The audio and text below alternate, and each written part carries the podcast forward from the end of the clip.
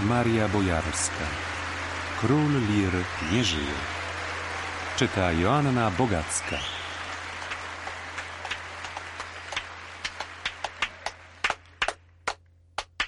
Wyszukany przez Wajdę tytuł Gdy rozum śpi idealnie nadawał się do teatru na woli. Nie tylko stawiał diagnozę polskiej współczesnej rzeczywistości, w której głos prawdy bywał skutecznie uciszany przez bojówki pałkarzy, nie tylko dotykał bezpośrednio wydarzeń dnia, pozwalał też aktorowi pracować tak właśnie, jak to sobie aktor w swej pysze wymarzył. To znaczy decydować samodzielnie o wyborze roli, tej, a nie innej, tej, którą w konkretnym czasie trzeba zagrać, żeby móc powiedzieć widowni coś ważnego, tej, która umożliwia samookreślenie. I Tadeusz zagrał Goję, starego malarza, który jest wprawdzie głuchy, ale dobrze widzi i potrafi rozróżniać kolory. Goję odważnego, mądrego i za tę mądrość spałowanego przez wysłanników władzy, która samą siebie uznawała za absolutną i wieczną. Zagrał go je upokorzonego fizyczną przemocą uzbrojonych w pałki osiłków, goje przegranego, który mimo przegranej wciąż ma rację. Ktoś porównywał wtedy tę rolę do Lira. Między innymi mogła kojarzyć się z Lirem. Andrzej Wajda za świetne przedstawienie Gdy rozum śpi dostał nagrodę imienia Swinarskiego. Wpadł do teatru, żeby pozwolić ją sobie wręczyć na scenie i zaraz wypadł z powrotem. Nie miał czasu, nie był w nastroju do świętowania. Wkrótce potem podobno sprzeciwił się w Ministerstwie Kultury i Sztuki za plecami Tadeusza pomysłowi, żeby Gdy rozum śpi pojechało jako polski spektakl na festiwal teatralny do Helsinek. Najwyraźniej uświadomiono mu, że nie powinien swoim nazwiskiem popierać partyjnego teatru.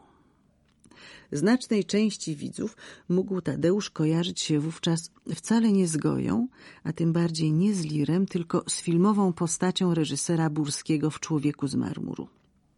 To był ten sam 1976 rok, ten sam Andrzej Wajda. Reżyser Burski, początkowo miał go grać, ale nie chciał, Jerzy Antczak, Przyjmował bohaterkę filmu, Krystynę Jandę, w swoim luksusowym domu i zdecydowanie wykręcał się od jakiegokolwiek udziału w zamierzonym przez nią śliskim politycznie przedsięwzięciu. Prawda o Nowej Hucie, o niegdysiejszym przodowniku pracy, o zakłamaniu i zbrodniach ustroju PRL? Nigdy. Reżyser Burski wołał jeszcze jakąś małą dziewczynkę. Marysiu, Marysiu, ach te intymne aluzje w ówczesnych rolach Tadzia, i znikał z ekranu.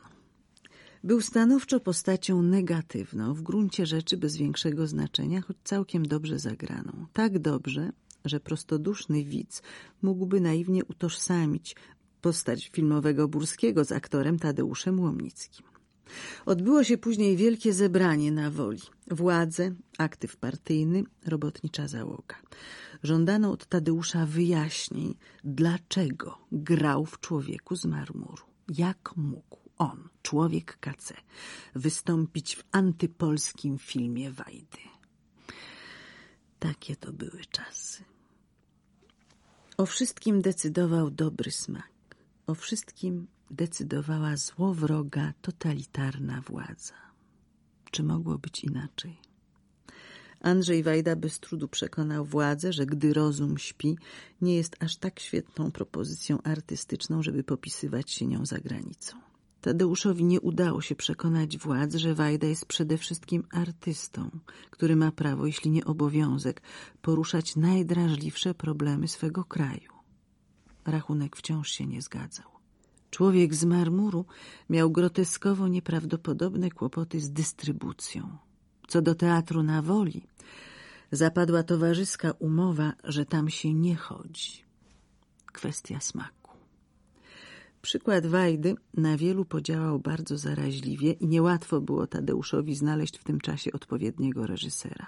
Odpowiedniego, to znaczy dobrego lub co najmniej obiecującego, albo lepiej dobrego, a jeszcze lepiej dobrego i znanego, z nazwiskiem, zdolnym przyciągnąć publiczność, który by jednocześnie zechciał zrobić w teatrze coś odważniejszego niż bezpieczną klasykę lub obojętne politycznie dzieło sztuki który jeszcze do tego byłby w miarę lojalny.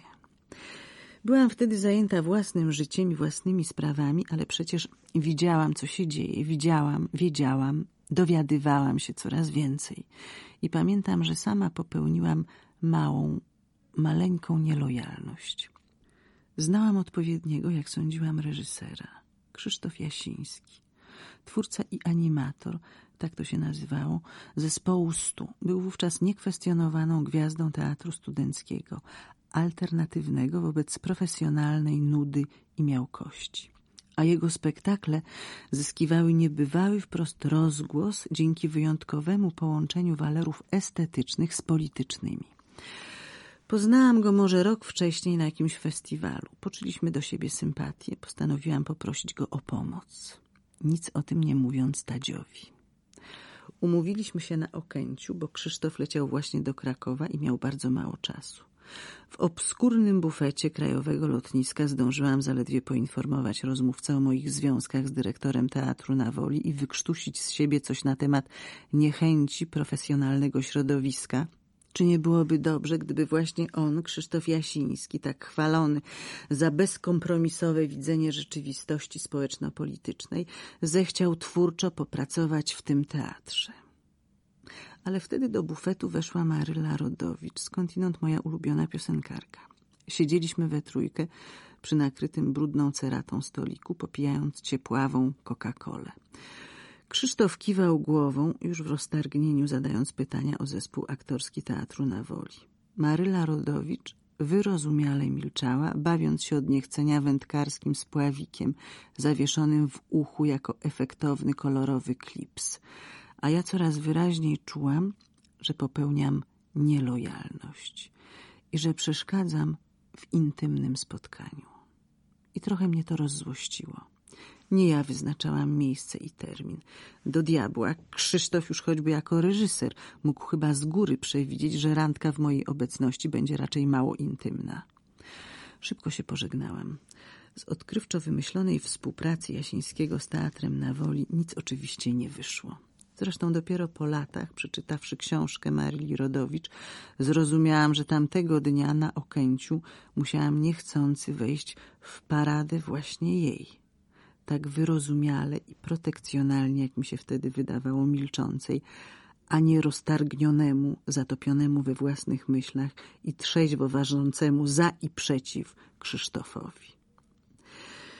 Na szczęście Tadeusz potrafił sobie radzić i bez moich odkrywczych pomysłów. W głuchym telefonie towarzyskim zdarzały się krótkie spięcia lub zakłócenia na linii, a może nie wszyscy byli do niego podłączeni. W każdym razie, mimo bojkotu, Kazik Kut zgodził się wyreżyserować cudem wyrwane cenzurze z gardła przedstawienie Hamleta we wsi Głucha Dolna.